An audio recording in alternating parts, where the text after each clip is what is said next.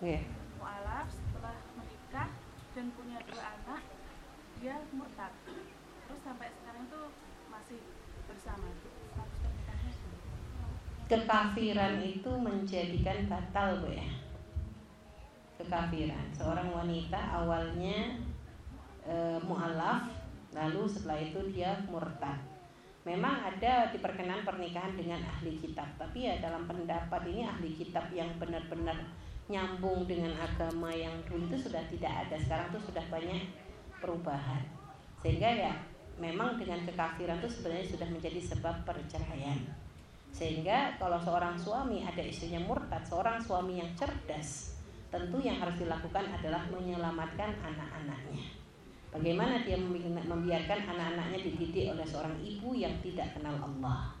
Harusnya sudah langsung tertalak ditalak ya, karena memang sebenarnya kalau yang perempuan sebentar, kalau niku kalau yang perempuan apakah karena kalau yang laki-laki niku secara otomatis pasti langsung. Karena perempuan pernikahan wanita dengan laki-laki kafir itu mutlak tidak boleh.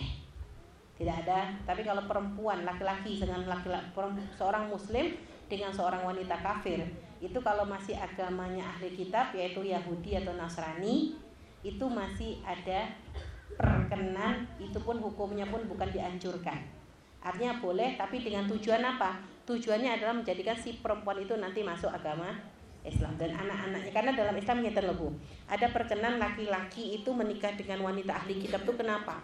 Kalau dengan yang selain ahli kitab gak boleh. Tujuannya gini karena di dalam Islam seorang suami itu kan kawam nasabnya anak nyambung dengan suami. Sehingga kalau ada seorang laki-laki menikah dengan seorang wanita kafir, Bu ya, harapannya apa? Dia bisa membawa wanita tersebut untuk masuk ke dalam Islam. Dan juga anak itu kan ikut bapak.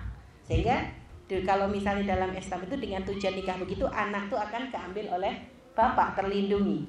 Makanya di dalam Islam kalau ada seorang bapak yang menikah dengan wanita ahli kitab, lalu si bapak ini kok meninggal, maka langsung anak itu diambil oleh negara dilindungi supaya jangan sampai dia menjadi murtad. Ngoten loh Bu ceritanya. Tapi di negara kita kan tidak ada perlindungan seperti itu.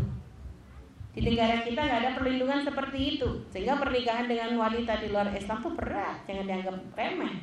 Karena pengaruhnya ibu luar biasa. Ya ini dosa besar bagi seorang suami jika membiarkan istrinya kok istri sampai murtad lalu tidak menyelamatkan anak-anak, ini dosa gede. Itu hitungannya berat di hadapan Allah. Dan termasuk ini hukumnya dayus. Dayus apa? Orang di antara tiga kelompok orang yang tidak akan bisa mencium bau surga itu laki-laki dayus.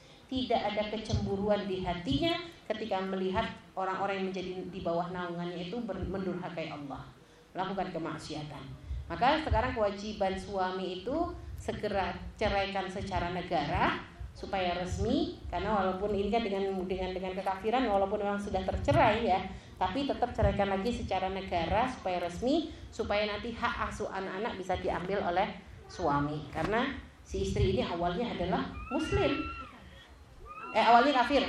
Kafir. Lalu kan menjadi mualaf masuk Islam. Berarti kan anak-anak menjadi haknya yang Islam kan begitu? Nah, jadi kan karena awalnya istri mengakui muslim makanya pernikahan lanjut.